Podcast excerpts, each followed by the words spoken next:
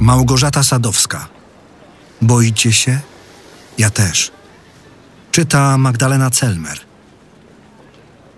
Słuchasz tekstu opublikowanego na łamach miesięcznika Pismo, magazyn opinii. Na stronie magazynpismo.pl znajdziesz więcej inspirujących treści, także w wersji audio. Wykup prenumeraty, aby zyskać dostęp do wszystkich artykułów, ilustracji i nagrań.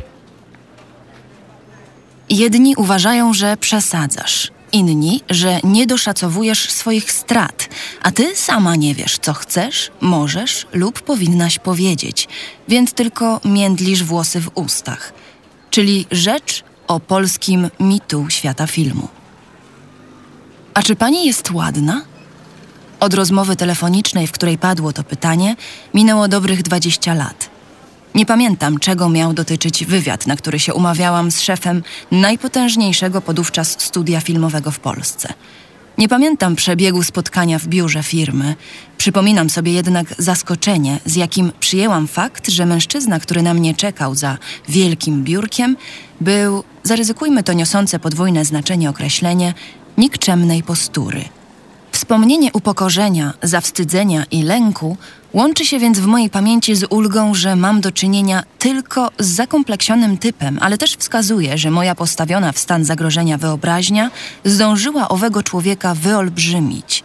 Studio, któremu szefował, miało w nazwie słowo dziedzictwo i rzeczywiście z tym właśnie miałam do czynienia. Z dziedzictwem setek lat patriarchatu ale to także moje prywatne dziedzictwo. Doświadczenie z początków drogi zawodowej, jedno z wielu, jakie wyrobiły we mnie przekonanie, że praca dziennikarki to pole minowe. Usiane potencjalnie niebezpiecznymi i nieprzyjemnymi sytuacjami, których źródłem są starsi, dzierżący władzę mężczyźni. Kiedy więc redakcja pisma zamówiła u mnie tekst mający podsumować dotychczasowe dokonania ruchu MeToo w świecie kina, Uznałam, że nie mogę wyłączyć siebie z tej opowieści, udawać, że oddycham innym powietrzem niż moje koleżanki. Zanim więc spróbuję opisać krajobraz po tamtej, wciąż trwającej bitwie, chciałabym zaznaczyć, z jakich czynię to pozycji. Nie jestem neutralną obserwatorką wysłaną przez zatroskaną międzynarodową organizację. Nie reprezentuję też sił pokojowych. Tekst o MeToo piszę jako weteranka – Przetrwałam bowiem dzień, w którym dużo starszy, ceniony pracownik radia, w którym byłam stażystką, niespodziewanie przycisnął mnie do ściany i literalnie wpił mi się w usta. Dwukrotnie wyszłam cało z opresji, salwując się ucieczką ze spotkań ze starszymi kolegami z branży dziennikarskiej i filmowej, kiedy okazywało się, że nasze pogaduszki przybierają nieoczekiwany, w każdym razie dla mnie, obrót. Ocalałam wyciągając za nogę z własnego mieszkania innego, starszego, szanowanego dziennikarza. Był pijany, agresywny, bardzo ciężki i do dziś nie wiem, skąd miałam tyle siły, żeby go wywlec. Może zadziałał instynkt samozachowawczy? Doświadczałam seksualnego nadużycia ze strony uznanego filmowca. Wszystkie te sytuacje przytrafiły mi się w ciągu zaledwie kilku lat. Kiedy byłam tuż po dwudziestce, Stawiałam pierwsze kroki w zawodzie i nie miałam pojęcia, że stop, widzicie? Już zaczynam się tłumaczyć, a chciałam tylko powiedzieć mi tu. Dlaczego nie podasz ich nazwisk? Domyślam się, że to pytanie pojawia się teraz w głowach wielu czytelniczek i czytelników. Mnie też przez wiele dni spędzało sens powiek. Przecież nie byłoby mi tu, gdyby nie zeznania kobiet. Były wśród nich choćby Annabella Stiora, Angelina Jolie, Gwyneth Paltrow, Rose McGowan, Ashley Judd, Rosanna Arquette, ale także te bez chroniącego je znanego nazwiska, które w październiku 2017 roku na łamach New York Timesa i New Yorkera oraz w mediach społecznościowych opowiedziały o molestowaniu, napaściach i gwałtach, jakich dopuścił się wobec nich Harvey Weinstein. Skazanie producenta Pulp Fiction, zakochanego Szekspira, gangów Nowego Jorku czy Władcy Pierścieni na 23 lata więzienia to kamień milowy w krótkiej historii mitu. Prawomocny wyrok zapadł w marcu tego roku, a jego symbolicznego znaczenia nie sposób przecenić. Nazwisko Weinsteina stało się synonimem patologii i nawet notka na polskiej Wikipedii przedstawia go dziś jako amerykańskiego producenta filmowego i seksualnego przestępcę, choć dorobek hollywoodzkiego magnata na tej stronie pozostaje wciąż niezaktualizowany. Oskarżenie i skazanie jednego z najpotężniejszych ludzi w branży dowiodło, że nie ma takich pieniędzy i takiej władzy, które chronią przed konsekwencjami przestępstw i nadużyć. Dowiodło solidarności i sprawczej mocy kobiet. Ale przede wszystkim sprawa Weinsteina przerwała zmowę milczenia, uruchomiła lawinę wyznań, uświadomiła skalę przemocy, jakiej na co dzień wiele z nas doświadcza. Wskazała, że jest ona problemem strukturalnym, a nie kwestią niepowiązanych ze sobą incydentów, których wagę łatwo jest podważyć jednym przesadzasz. Pojedyncze, dotąd ledwie słyszalne głosy uformowały się w chór, którego potężnego brzmienia nie sposób już zignorować, a mozaika rozsypanych historii zaczęła się układać we wzór. Teraz trwa mozolna i tak powolna, że The Guardian porównał ją do ruchu lodowca, praca nad jego zmianą. Kolejne kobiety, ale i mężczyźni, kalautują swoich prześladowców, o czym pisze w numerze nasza redaktorka Zuzanna Kowalczyk. Tak działa efekt Weinsteina, który zakończył kariery wielu innych wpływowych hollywoodzkich reżyserów czy aktorów, bądź przynajmniej położył się na nich cieniem. Po oskarżeniach o gwałt i molestowanie wytwórnia Warner Brothers zerwała współpracę z Brettem Ratnerem, twórcą Godzin Szczytu. Paul Haggis, autor Oscarowego Miasta Gniewu, kilka miesięcy temu przegrał proces o gwałt. 38 kobiet wskazało Jamesa Tobacca, reżysera dwóch dziewczyn i chłopaka, i scenarzystę Baxiego, jako sprawcę molestowania i napaści na tle seksualnym. Sprawa o molestowanie i nękanie, którą Kasajowi Affleckowi wytoczyły producentka i operatorka jego filmu, Joaquin Phoenix, Jestem jaki jestem w 2010 roku, zakończyła się ugodą, ale na fali MeToo aktor został odsunięty od 90. gali rozdania Oscarów, co było złamaniem tradycji. Laureatka nagrody za najlepszą rolę kobiecą odbiera ją z rąk laureata za najlepszą rolę męską z ubiegłego roku.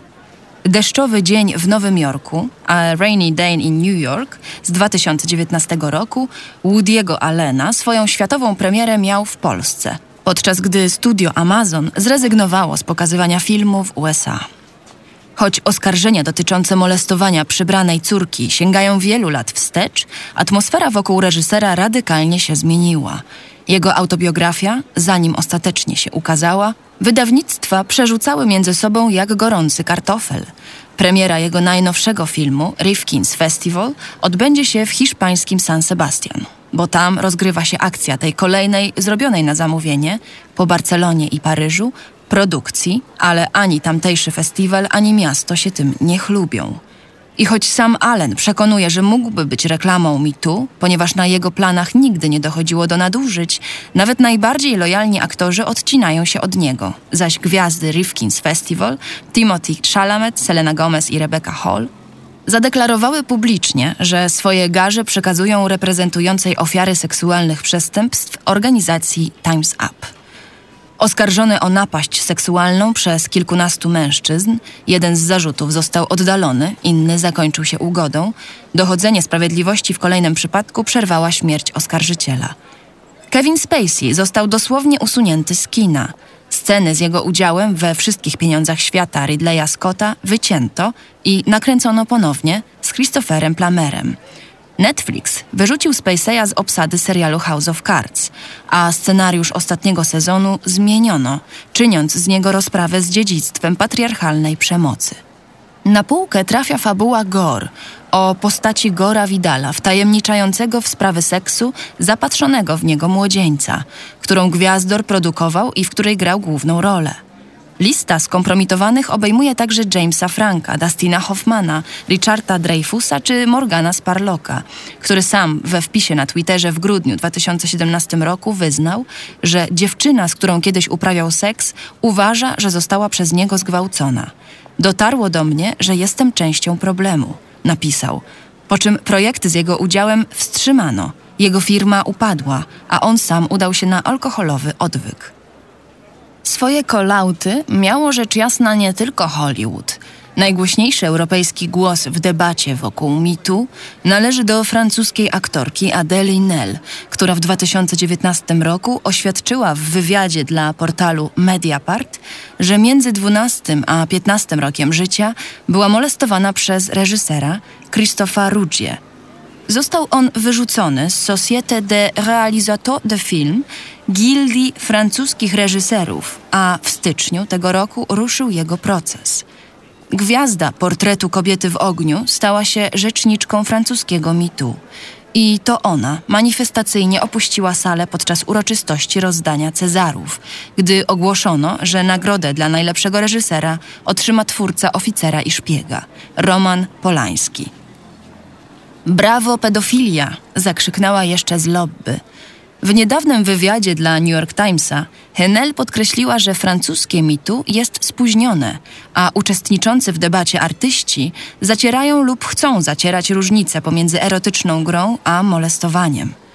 We wspomnianej rozmowie aktorka mówi też, że ogromna liczba wiadomości, jakie dostała po swoim wyznaniu, uświadomiła jej brak opowieści o tych, którzy przetrwali przemoc seksualną we francuskich mediach i przyznaje, że ona sama długo nie była gotowa wyznać, co ją spotkało.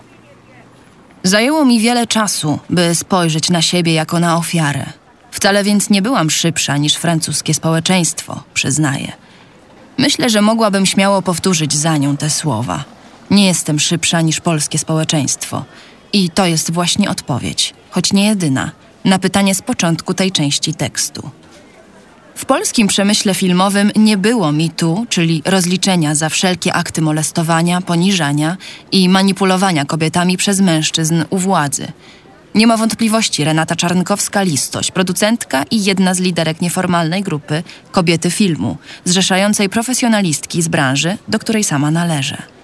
Przekonuje, że wciąż zdarzają się podobne nadużycia, bo środowisko nie przepracowało tego problemu. Z racji mojej działalności słyszałam wiele takich historii, czasem drastycznych, opowiada. Starsze koleżanki jednym tchem wymieniają nazwiska nadal aktywnych w branży panów, którzy wykorzystywali swoją pozycję. Niestety, kiedy pytam o powody nieujawniania tych faktów, zawsze słyszę o strachu. Zazwyczaj pada argument o silnych wpływach, wykluczeniu, zemście. Ja sama dodałabym do tego wstyd i poczucie winy – że nie umiałam zaprotestować, że wykazałam się naiwnością, że przecież sama tam poszłam, że byłam już dorosła, więc powinnam wziąć odpowiedzialność. I ten niepokój, że wiąże mnie jakieś tajemnicze współsprawstwo, jest chyba najskuteczniejszym kneblem. Jednej nocy, po tym, gdy znów wzięłam na warsztat swoje przeżycia i związane z nimi emocje, przyśnił mi się przedziwny sen. Miałam usta pełne własnych włosów. Wyrastały z głowy, przechodziły gdzieś pod skórą i kłębiły się w ustach, drażniąc i uniemożliwiając mi mówienie. Próbowałam je wyciągnąć i nie mogłam. Trudno o lepszą metaforę tego, czego doświadczam, pracując nad tym tekstem i czego zapewne doświadcza wiele innych kobiet. Być może właśnie dlatego najgłośniejszą akcją rodzimego branżowego mitu był protest studentek i studentów łódzkiej szkoły filmowej. Od socjolożki Natalii Klejnowskiej dowiedziałam się, że nim do powszechnego użycia weszło określenie filmówka, tym mianem określano dziewczyny jej słuchaczy. Przeciwko wizycie na uczelni Romana Polańskiego. Nie po raz pierwszy reżyser odegrał rolę kozła ofiarnego, poręcznego symbolu przemocy seksualnej, a w polskiej debacie obiektu zastępczego. Twórca oficera i szpiega, skądinąd filmowego komentarza do jego własnej sytuacji zaszczucia i banicji, jest idealnym chłopcem do bicia. Starszy mężczyzna o niepodważalnym dorobku, członek najwyższych artystycznych elit, a zarazem człowiek, który nie wykłada w łódzkiej szkole, nie produkuje, nie dzierży władzy w Stowarzyszeniu Filmowców Polskich, nie zasiada w gremiach eksperckich Polskiego Instytutu Sztuki Filmowej. PISF. Nie spotkasz go na żadnym polskim planie.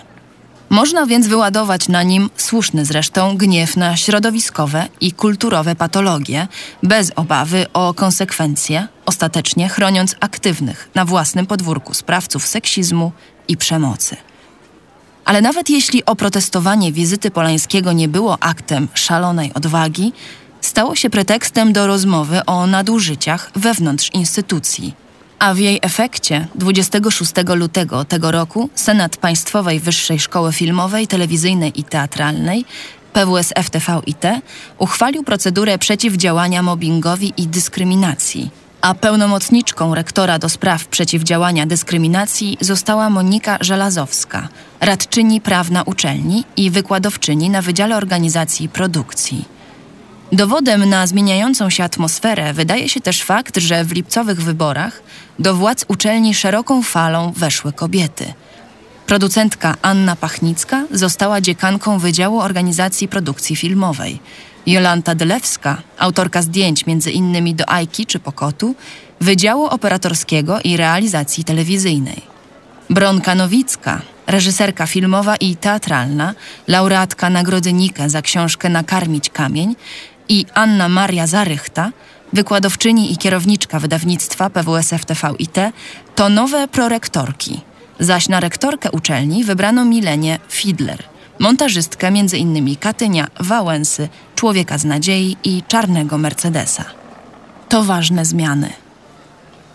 Jeśli polskie mitu może mówić o sukcesach, to leżą one właśnie tu, w powolnych reformach strukturalnych. Zmiany następują poprzez walkę o równouprawnienie i udział kobiet w ciałach decyzyjnych, mających wpływ na przyszłość polskiej kinematografii, komentuje Czarnkowska z kobiet filmu. Kiedy powstawała nasza inicjatywa, koledzy byli oburzeni samym faktem organizowania przez filmowczynie wydarzeń mających na celu konsolidację środowiska w walce o autonomię reprezentujących nas instytucji. Po trzech latach pracujemy ramię w ramię z pożytkiem dla nas wszystkich. W 2017 roku kobietom filmu udało się wywalczyć gwarancję większego udziału kobiet w komisjach eksperckich PISF-u. Niestety, wraz ze zmianą władz Instytutu zmieniły się na ich niekorzyść. Zapisy wprowadzone w 2017 roku przewidywały udział przynajmniej jednej ekspertki i 35% udział kobiet w grupie liderów komisji. W 2018 roku zniknął wymóg dotyczący ekspertek, a udział liderek zmniejszono do 30%. W 2018 roku dyrektor festiwalu w Gdyni Leszek Kopeć i przewodniczący Rady Programowej Wojciech Marczewski podpisali deklarację zobowiązującą organizatorów do wprowadzenia równości płci w ciałach decyzyjnych. Kobiety filmu monitorują, lobbują i działają. Dzięki obecności tego churalnego głosu sprawy nierówności w branży weszły do mainstreamu. A perspektywę kobiecą jest coraz trudniej ignorować.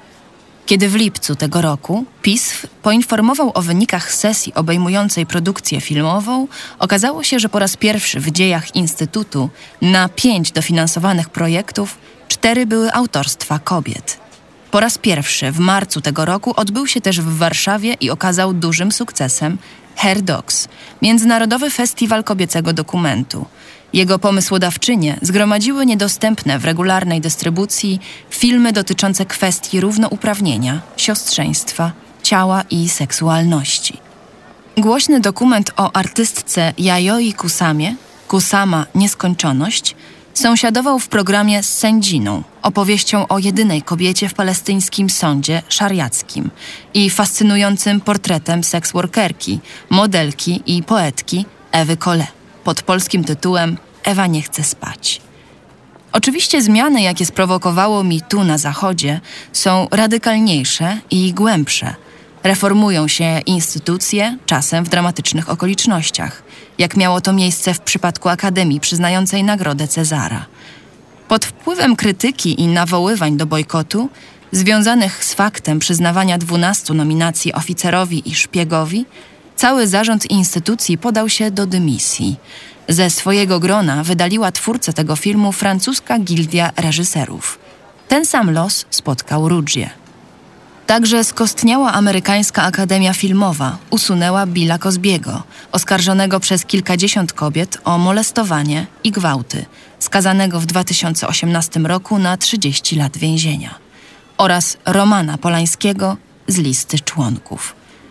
Wygląda na to, że wykluczanie tego ostatniego przez kolejne instytucje stało się właściwie rytuałem założycielskim nowych struktur, co wydaje się fenomenem wartym osobnego tekstu. MeToo w wydaniu zachodnim to także parytety, programy antydyskryminacyjne, awanse na wysokie stanowiska, większa obecność w ciałach jurorskich oraz filmy w konkursach najważniejszych festiwali. Oporna na zmiany pozostaje Wenecja, od kilku lat krytykowana za seksizm maskowany interesem wielkiej sztuki. Na planach filmowych działają już specjaliści, mający zapewnić komfort i poczucie bezpieczeństwa aktorom występującym w scenach intymnych, w tym seksu. Zatrudniono ich między innymi do pracy przy serialach Normalni ludzie i Mogę cię zniszczyć. Obecność na planie osoby chroniącej aktorów przed nadużyciami oznacza zmierzch praktyk, z jakimi oswoili nas reżyserzy pokroju Bernarda Bertolucciego, Andrzeja Żuławskiego, żona Claude'a Brissot, Waleriana Borowczyka, Abdelatifa Keshisha, Alfreda Hitchcocka, Stanleya Kubricka czy Larsa von Triera, którzy dla ekranowego efektu manipulowali aktorami, okłamywali ich w trakcie zdjęć, znęcali się nad nimi psychicznie, fizycznie i werbalnie oraz nadużywali ich zaufania. Być może to krok ku bardziej demokratycznym relacjom podczas pracy przy filmie. W czerwcu tego roku w wywiadzie dla Legalnej Kultury Małgorzata Szumowska opowiadała: Miałam niezwykłe doświadczenie przy The Other Lamp, córce Boga, z ekipą irlandzką. Część technicznych to były kobiety, na przykład wózkarka, bardzo silna babka. Miała taki czerwony gwizdek. Gdy tylko padał jakiś dowcip, który ona uważała za seksistowski, to gwizdała. Skutek był taki, że mój asystent w ogóle unikał ze mną jakiejkolwiek gadki, która byłaby damsko-męska. Na przykład nie mógł do mnie powiedzieć cześć, fajnie wyglądasz, bo od razu byłby gwizdek i afera. Tam komplementy, a tym bardziej tego rodzaju dowcipy nie funkcjonują, no chyba że w jakimś głębokim podziemiu. Podejrzewam, że gdyby oni weszli na polski plan, to by padli. Rzeczywiście, padliby. Wystarczy sięgnąć do badań, jakie na potrzeby pracy licencjackiej przeprowadziła tej wiosny studentka Wydziału Filozofii i Socjologii Uniwersytetu Warszawskiego Natalia Klejnowska. Na podstawie anonimowych rozmów z profesjonalistkami przygotowała ona katalog nierówności, na który składają się umniejszanie sukcesów zawodowych kobiet, nierówności w zarobkach, niezatrudnianie kobiet, brak reprezentantek na festiwalach i w ciałach decyzyjnych, język wykluczający, seksistowskie zachowania, molestowanie, wykluczenie z historii oraz deprecjonowanie tematyki i perspektywy kobiecej w filmie. Temat nierówności zarobkowych w branży filmowej poruszyła publicznie jak dotąd jedna osoba aktorka Sonia Bohosiewicz w wywiadzie dla Wysokich Obcasów z czerwca 2019 roku. Opowiadała w nim, że w jej zawodzie mężczyźni zarabiają nawet o jedną trzecią więcej niż kobiety i że straciła rolę w serialu, gdy zażądała identycznej stawki jak jej koledzy. Respondentki socjolożki jako główny problem polskiej branży wskazują jednak seksizm, molestowanie, wulgarny język, niestosowne komentarze i zaczepki. Cycki w górę i do roboty, coś taka nieśmiała. Możesz tę kieckę nosić wyżej? Z takimi biodrami powinnaś zająć się rodzeniem, a nie pracą w telewizji. Czemu nie przyjdziesz na plan w sukience? Byłoby milej popatrzeć. Słyszą na co dzień reżyserki, kierowniczki produkcji, montażystki, charakteryzatorki czy producentki. Pani ma doświadczenie seksualne? Założyła pani na casting koronkową bieliznę? Czy lubi pani seks? Dopytywał aktorkę Annę Marię Siekludzką dziennikarz Wiwy, Roman Praszyński. Wywiad z lutego tego roku rozpętał burzę, która zakończyła się przeprosinami ze strony wydawnictwa, zdjęciem rozmowy z sieci i zwolnieniem Praszyńskiego, które zapewne stanie się przestrogą. Upadek weterana prasy kobiecej to bodaj jedyny przypadek związanego z rodzimym świadkiem filmu, napiętnowania i ukarania konkretnego sprawcy molestowania. Przy czym seksistę wskazali oburzeni internauci, a nie sama aktorka, która ostatecznie wywiad autoryzowała, uznając najwyraźniej, co jest szczególnie smutne, że na tym właśnie polega jej rola w promowaniu filmu ze swoim udziałem. Paradoksalnie, Siek Ludzka zagrała główną rolę w 365 dniach na podstawie prozy Blanki Lipińskiej, wyreżyserowanym przez Barbarę Białową z filmie przekonującym, że kultura gwałtu jest sexy. I w wywiadzie, i w filmie kobiece nie, aktorka próbowała się bronić przed obraźliwymi pytaniami, uważane jest za tak.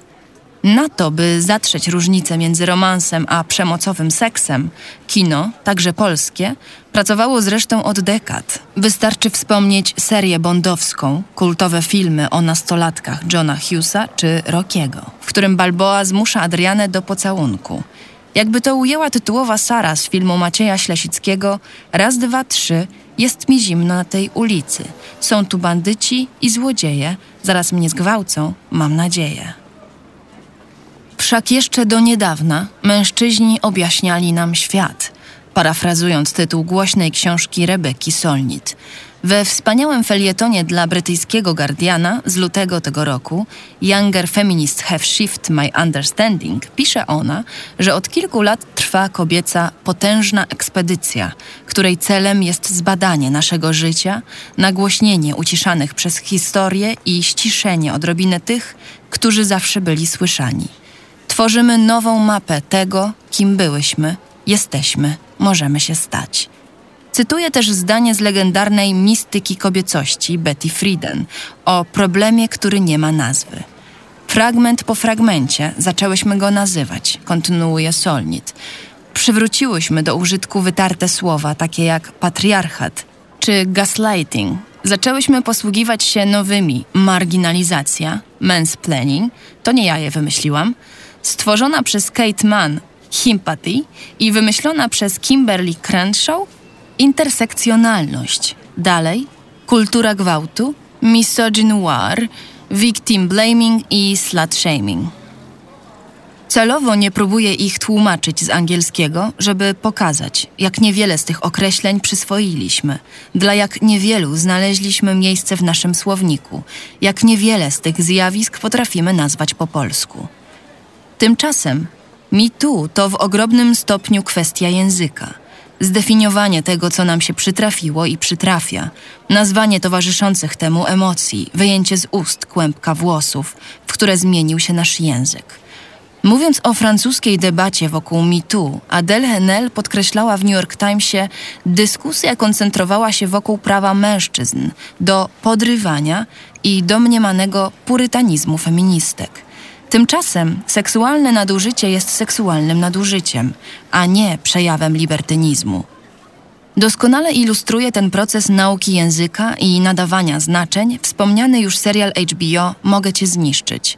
Jego bohaterka Arabella, grana przez scenarzystkę i reżyserkę Michaele Coel, pada ofiarą gwałtu. Ktoś dosypał jej coś do drinka. Straciła świadomość, po czym ocknęła się z rozbitym łukiem brwiowym, potłuczonym telefonem i dziwnymi transakcjami na karcie.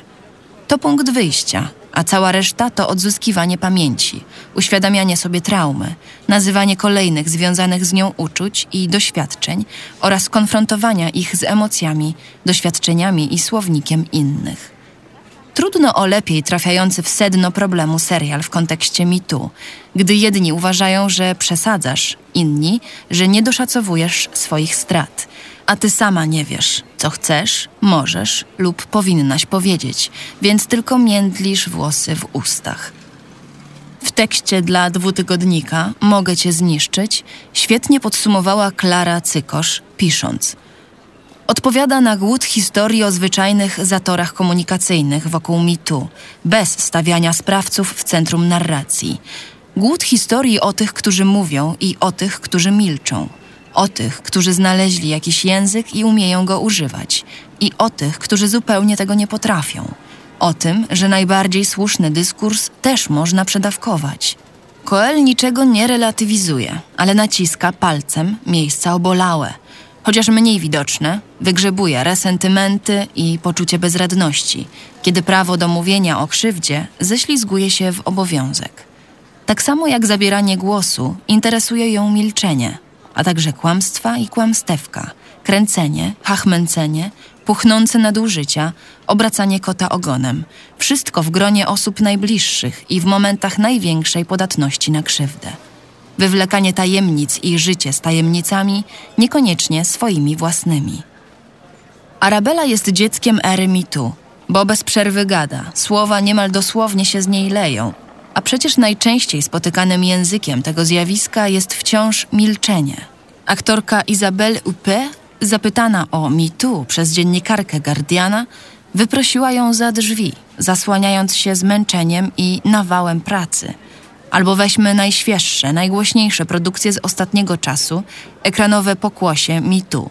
Przecież prawdziwym tematem The Morning Show, wielkich kłamstewek czy wspaniałej kameralnej asystentki jest właśnie zmowa milczenia. Cały czas mam w pamięci końcowe sceny tego ostatniego filmu, zmęczony krok stażystki w biurze znanego producenta. Historia inspirowana jest sprawą Weinsteina, która otuliwszy się szalikiem i zgasiwszy światła, powoli wraca do domu, upokorzona, zrezygnowana, bezsilna. W pojedynkę nie miała żadnych szans w zderzeniu ze środowiskową omertą chroniącą potężnego predatora, jej szefa. To rzecz o mechanizmach manipulowania, molestowania i uciszania. Dlatego tak ważny jest język, który pozwoli nazwać nadużycia, zwalniając ich ofiary z poczucia winy i lojalnościowych konfliktów. Dlatego tak ważne są procedury, które zdejmą lęk przed zemstą, szyderstwem, ostracyzmem lub sądowym pozwem z barków tym, którzy zdecydowali się nazwać przemoc przemocą. Chcemy więc wołać ja też, ale nie być tą, która pierwsza wyzna ja. Chcemy więc coś powiedzieć, ale wciąż nie znajdujemy słów albo nie chcemy ich nadużywać. Chcemy wskazywać, ale nie linczować.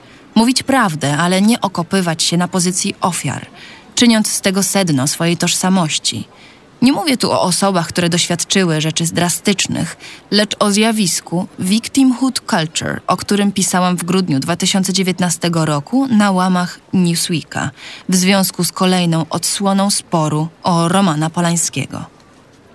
Jak snuć refleksję o historii kina, nie wpadając w pułapkę autocenzury czy cancel culture, zjawiska, które chciałoby wymazać filmy niesłuszne – bądź nakręcone przez sprawców przemocy, wymazując tym samym sprzeczności, których jesteśmy wszyscy pełni.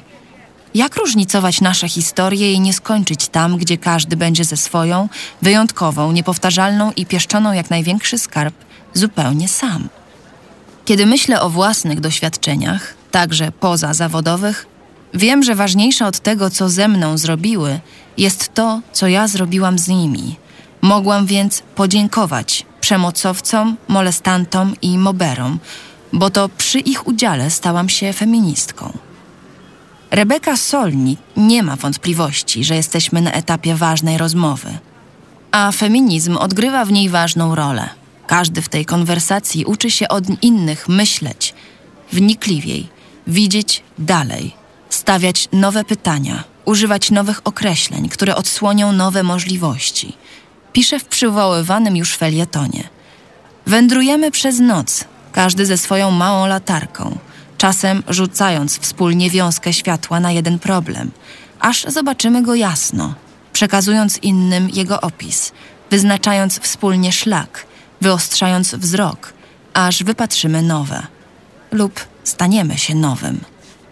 PS. Panem, który rzucił na mnie na korytarzu radiowej trójki, był realizator Roman Homicz. Panem, który uznał, że warunkiem udzielenia mi wywiadu będzie pewność, że jestem ładna, był Paweł Poppe, podówczas szef Heritage Films. Felieton ukazał się w 33. numerze miesięcznika Pismo, magazyn opinii.